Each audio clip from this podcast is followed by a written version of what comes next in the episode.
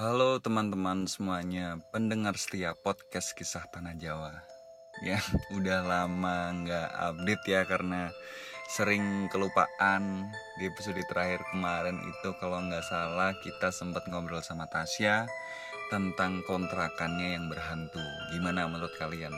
Apakah menurut kalian pengalaman yang dimiliki Tasya itu mengerikan atau ya mungkin buat kalian masih biasa-biasa aja kayak gitu. Tapi kalau saya pribadi sih saya menganggap ya tempat atau yang di pernah ditinggal di Tasya itu juga cukup mengerikan sih karena ya saya juga pernah tinggal di kontrakan juga waktu zaman kuliah.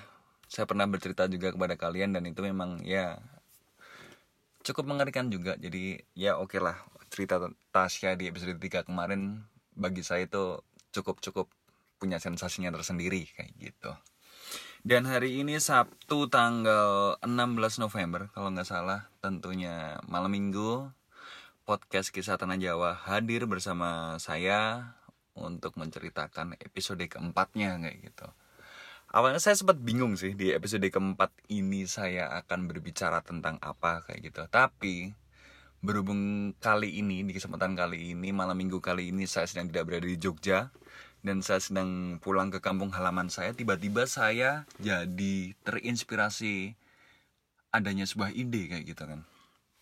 Oke Tasya punya pengalaman tentang kontrakan berhantunya yang udah diceritakan di episode kemarin kayak gitu kan.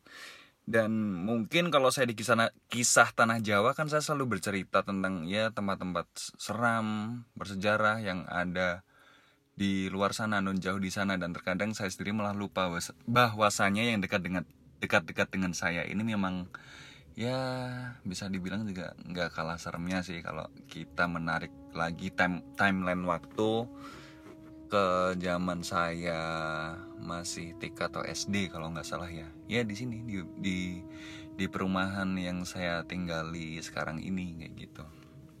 Sebenarnya juga harapanku di episode keempat ini ya sekaligus untuk merecall uh, kenangan atau memori dari teman-teman semua untuk kembali mengingat pengalaman-pengalaman semasa kecil yang mungkin sering kita lupakan.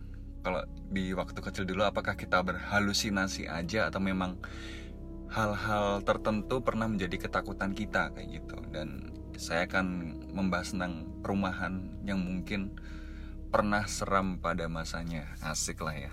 Pernah seram pada masanya. Tapi memang ya bisa dikatakan absah juga sih kalau seram. Karena ini bukan based on my opinion aja. Tentunya enggak gitu. Banyak sangat-sangat banyak warga perumahan ini yang punya ceritanya masing-masing. Mulai dari ya penghuni lama terus uh, apa namanya penjual nasi goreng tek-tek atau banyak lah pokoknya satpam depan dan segala macam tuh. Mereka selalu punya punya ceritanya masing-masing tentang perumahan ini kayak gitu. Tentunya kalian bertanya gitu kan emang perumahannya kayak gimana sih bentuknya? Kayak gitu. Kalau di zaman sekarang ya ya mungkin nggak ngeri ya karena selain udah ramai udah udah ramai penghuni kayak gitu. Tapi kalau kita kembali lagi ke masa-masa di mana saya pertama kali menghuni di perumahan ini bersama keluarga saya dan saya tidak pernah berpindah dengan keluarga saya. Tetap dari awal sampai detik ini saya masih di sini dulunya perumahan ini nggak nggak nggak nggak kayak gini kayak gitu. Cukup sepi.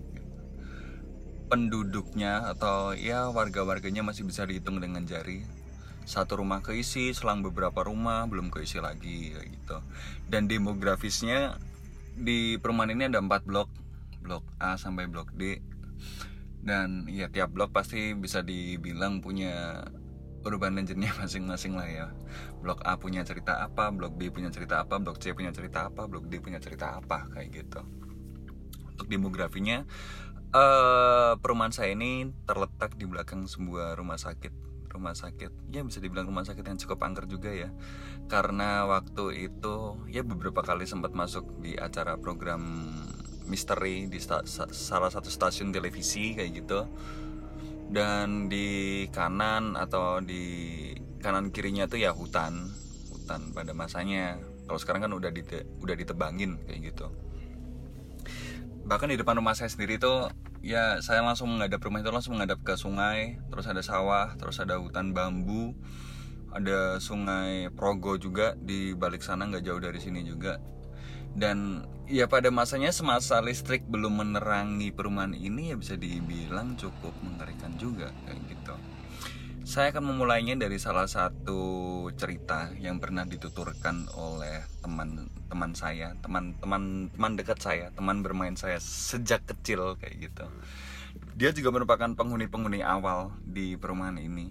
Jadi ketika masih belum banyak penduduk ya mau nggak mau kan mainnya kan cuma harus sama itu-gitu aja kayak gitu kan ya. Kebetulan kita berbeda blok kayak gitu. Ini cerita datang dari teman saya mungkin saya malah pernah menuliskannya sekilas ya kalau nggak salah di salah satu tulisan di akun kisah tanah Jawa tapi saya lupa yang mana tapi ya jadi saya ceritakan lagi aja di sini kayak gitu. Jadi pada sore itu pada sore itu ya sore sore menjelang maghrib uh, teman saya ini ceritanya dia itu baru balik les kayak gitu saya kasih sedikit bocoran aja teman saya ini mungkin ya nggak beda dengan kalian-kalian semuanya nggak nggak ada kelebihan khusus atau apalah kayak gitu. Ya hanyalah anak-anak biasa umur kita waktu itu kalau nggak salah masih SD SD kelas punya saya lupa. Dia itu setelah sehabis maghrib itu dia balik les. Untuk balik les itu kan ya tempat les-lesan beberapa rumah sebelah kosong beberapa rumah sebelah kosong kayak gitu dan dia waktu itu pulang sendirian jam ya jam jam 6 jam setengah tujuh mungkin kalau setelah maghrib itu.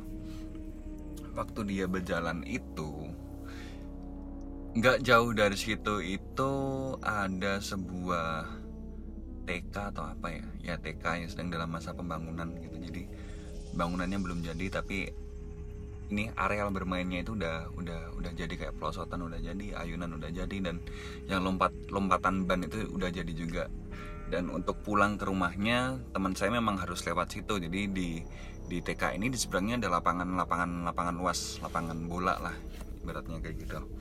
Dia harus pulang lewat situ mau nggak mau nggak ada jalan lain gitu.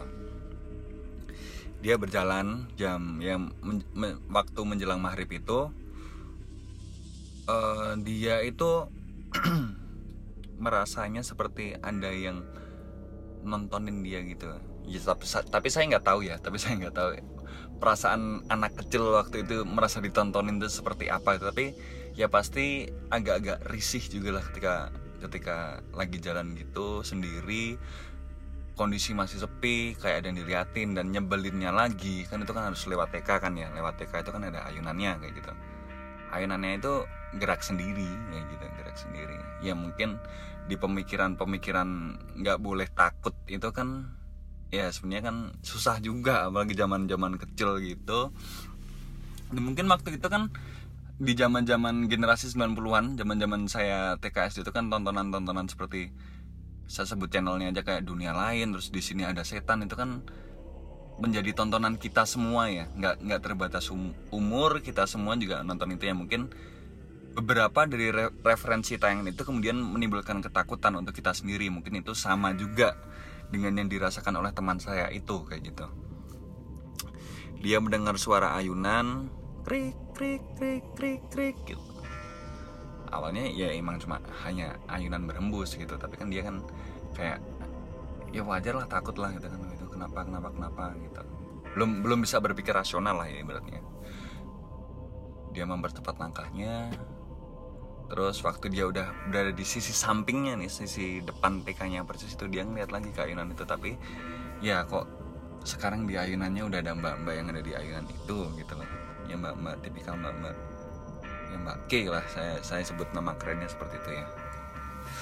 Dari situ otomatis dia lari dong otomatis dia lari lari lari. Tapi ketika lari itu dia merasa dia sedang tidak hanya ditakuti oleh satu sosok itu kayak gitu uh, di sisi kiri dia melihat mbak-mbak yang lagi di ayunan itu di sisi kanan dia seperti melihat ada sesuatu lagi sebenarnya yang sedang mengikuti dia gitu kan. Dia lihat ke belakang kayak gitu. Pas di pinggir lapangan itu dia tuh ngeliat kayak ada buntelan putih saya nggak usah sebut namanya apa gitu. Buntelan putih yang dia itu juga ikut meloncat dan mengejar teman saya itu gitu jangan dikira ya kayak buntelan putih itu atau kita sebut pocong gitu. Dia itu lompatnya uh, apa lambat gitu. Nggak menurut penuturan teman saya waktu itu dia larinya sangat-sangat kencang gitu. Bahkan kayak kamu udah berlari sekencang mungkin tuh dia tuh rasanya udah udah kayak ada di belakangmu dan udah siap kayak nakut-nakutin kayak apa ya bahasa Jawanya mungkin gilani mungkin ya. Kalau kita lihat ke belakang terus ada sesuatu gitu yang harusnya tidak bisa berlari tapi ternyata bisa berlari sekencang itu kan ya itu sesuatu yang menakutkan kayak gitu. Teman saya berlari gitu. Masih dikejar oleh sosok pocong itu dan entah mungkin anaknya kalau se sepengetahuan saya menertawakan dia juga atau apa kayak gitu. Dia berlari berlari berlari gitu blok dia tuh nggak sebenarnya sebenarnya nggak jauh ya nggak nggak nggak nggak jauh dari tempat les-lesan tadi itu. Tapi kan berhubung kita masih kecil jadi jarak jarak mana-mana kan ngerasanya jauh gitu. Dia lari lari lari lari lari sampai di pengkolan tuh sampai di pengkolan. Tuh emang pengkolan itu di blok C itu tersebut itu memang memang ya cukup cukup terkenal angker sih. Ada satu rumah yang di sana memang rumah tusuk sate dan itu memang waduh ya mungkin kalau kalian kalian suatu saat nanti kalian bisa bisa melihat atau punya kemampuan lebih mungkin saya akan ajak ke sana dan ya mungkin kalian akan banyak banyak punya cerita kayak gitu. Kalau saya juga lupa ya tanya sama Om Hao ya tentang rumah itu ya. Tapi ya udah kembali lagi teman saya yang sedang berlari-lari tadi. Teman saya sedang berlari berlari berlari. Ya mungkin waktu dia udah udah berjalan berjalan cukup jauh ya kedua sosok tadi itu ibaratnya udah menghilang gitu. oke udah menghilang. Tapi ketika dia tinggal satu belokan lagi sampai menuju ke rumahnya gitu dia tuh memperhatikan tuh ada kayak sesuatu terbang di atasnya gitu. Sesuatu putih mungkin wajar tapi nggak kayak apa ya kayak kalian tahu nggak sih kayak daun-daun pisang yang agak-agak udah busuk gitu? Kayak daun pisang tua yang warnanya coklat gitu. Lah dia melihat ada sesuatu seperti itu yang terbang di atasnya kayak gitu. Awalnya dia nggak menggubris itu tapi kok makin lama yang kayak daun pisang tadi itu kok semakin jelas gitu di di atasnya. Dan tiba-tiba dia melihat ke atas dan teman saya ini saya masih ingat bener bagaimana cara dia menceritakannya. Dia itu langsung kayak terjatuh terjatuh saking kagetnya ya. Dan yang tadi ngakunya seperti daun pisang yang tua itu ternyata dia bukanlah daun pisang. Dia tiba-tiba membukakan sayapnya membukakan sayapnya dan di sayapnya itu seperti tertulis sebuah simbol atau sebuah aksara ya mungkin ya. Dalam agama tertentu yang mana tuh tertulis jelas di sayapnya gitu. Teman saya waktu itu nggak ingat itu tulisannya apa karena ya masih kecil masa ya sih kayak dilihatin gitu masih kita masih mikir tulisannya itu apa. Ya itu adalah kalau menurut teman saya itu adalah sosok peri yang sangat-sangat buruk rupa atau sebuah peri jahat cukup merinding juga sebenarnya saya menceritakannya di sini karena ya mau nggak mau kan lokasinya dekat dengan saya. Teman saya terdiam cukup lama di situ. Cuma dia ngeliatin ke atas dan ya kayak si perinya itu kayak dia menatapnya kayak marah gitu. Saya juga nggak tahu sih teman saya itu salah apa waktu itu.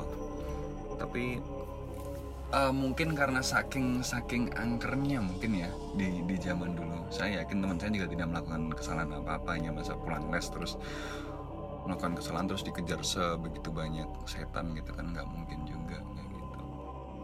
Itu salah satu cerita yang ada di perumahan saya yang pernah terjadi di orang-orang terdekat saya gitu. Apalagi kita membahas tentang salah satu blok ini.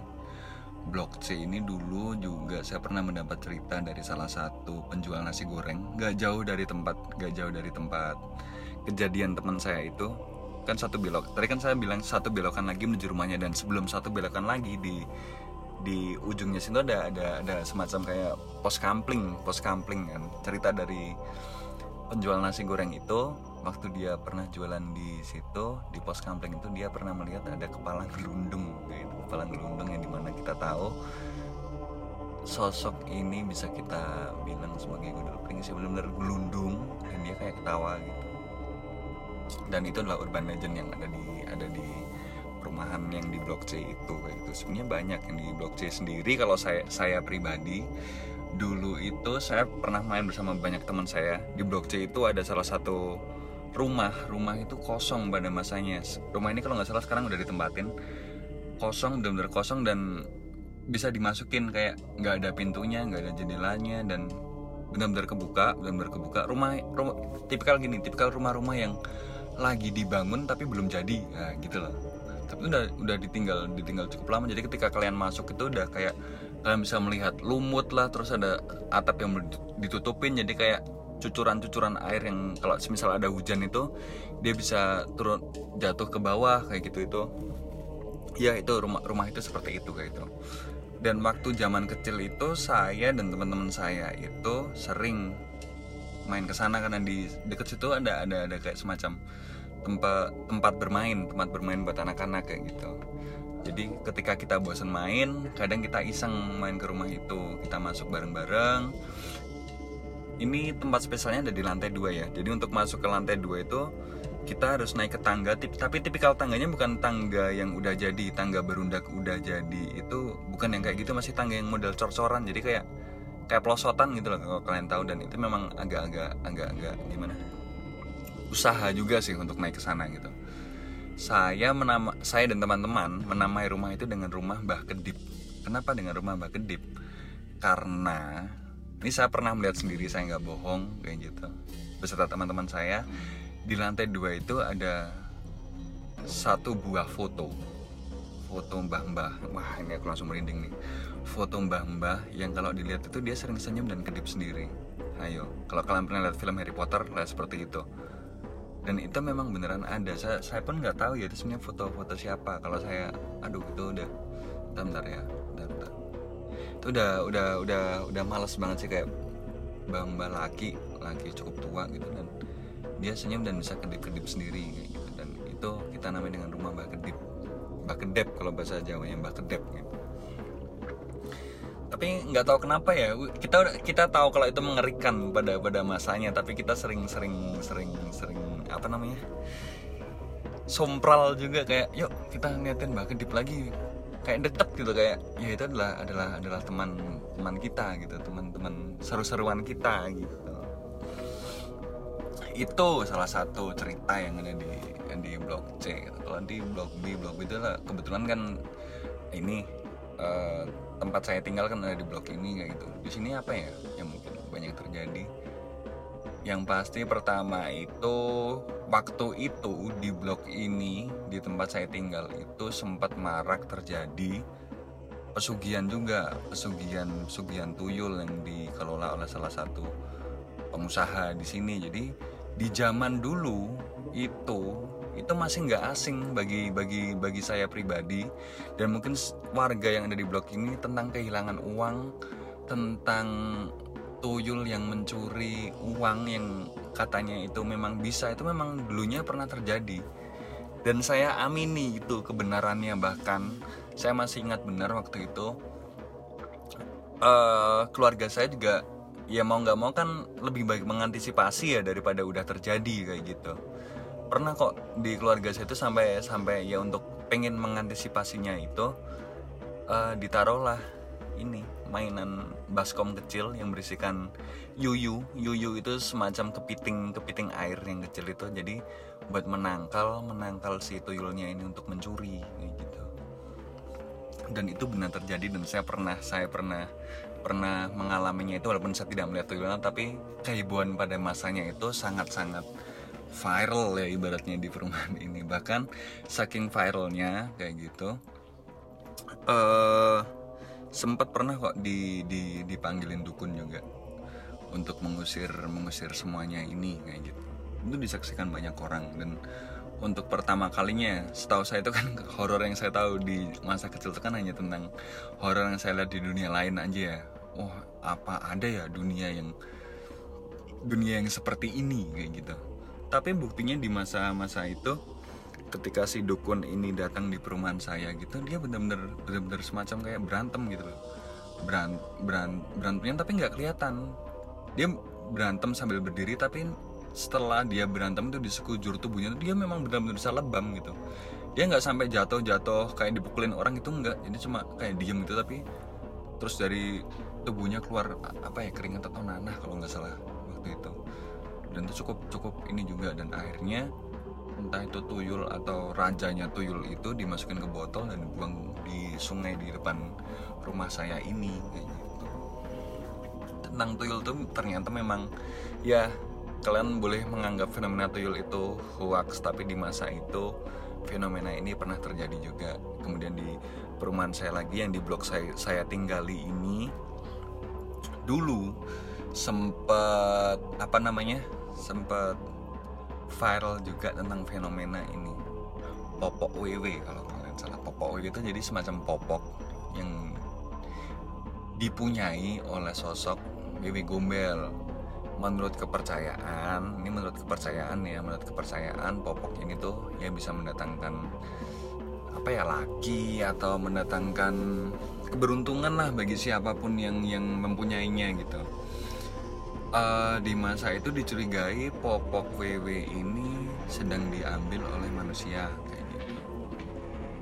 Dan jadi waktu berita itu menyebar di di perumahan ini saya ini benar adanya. Karena saya kan tidur tidur tidur saya di kamar itu kan kamar paling depan ya. Jadi mau nggak mau kan ya kalau ada rame-rame di depan saya pasti dengar gitu. Jadi tiap malam itu kalau untuk mendengarkan suara tangisan tangisan wanita tuh udah kayak oh ini ya yang lagi dibicarain gitu ya. Walaupun saya emang belum begitu mengerti juga apakah ini memang sosok WW bagaimana bentuknya gitu juga oh saya masih masih masih ingat benar kok suaranya suara tangisannya itu seperti apa.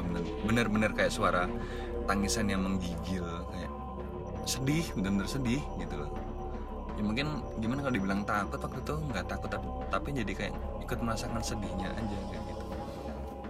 Dan setiap ada suara tangisan itu kemudian terus warga-warga sekitar sini tuh jadi ngeronda. Jadi waktu itu ronda jadi jadi jadi makin kencang lagi kayak gitu. Takutnya udah ada tuyul udah ada ini ya hal-hal yang berbau metafisik lah yang kita anggap selama ini konyol. Waktu itu sempet sempet sempet menjadi ketakutan kita semuanya gitu. Jadi ya gimana ya dunia itu ternyata memang ada gitu. Ya walaupun kadang saya nggak percaya tapi kalau saya flashback lagi ke masa-masa kecil saya jadi oh iya ya waktu itu pernah ada juga kejadian kayak ini jadi it's a good things to remind something kayak gitu teman-teman semuanya macam-macam sebenarnya di di perumahan ini tuh sangat-sangat banyak. Dan di rumah saya sendiri di rumah saya sendiri itu ini saya cerita di rumah saya sendiri waktu itu rumah saya ini kan sempat direnovasi di direnovasi di ini dibikin dua lantai. Jadi waktu itu kondisi belum jadi belum jadi total belum jadi total.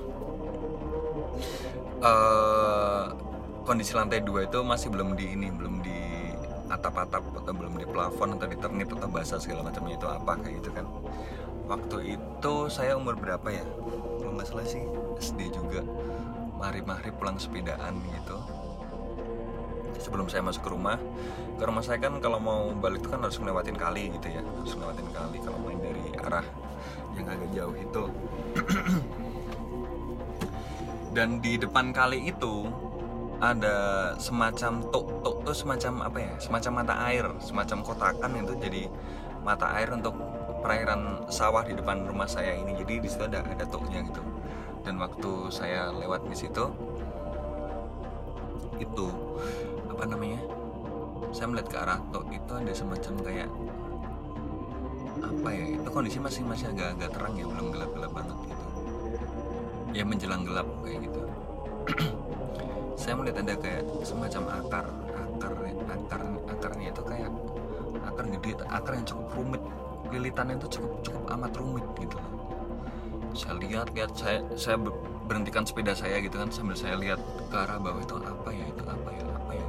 Setelah dilihat itu bukan akar pohon jadi kayak semacam ya mungkin sosok gitu yang dia bentuknya hampir seperti akar gitu dan tiba-tiba dia menoleh ke arah atas gitu itu sih kalau yang yang orang bilang itulah perwujudan lain dari Wewe Gombel tapi waktu itu kan saya nggak tahu gitu kan.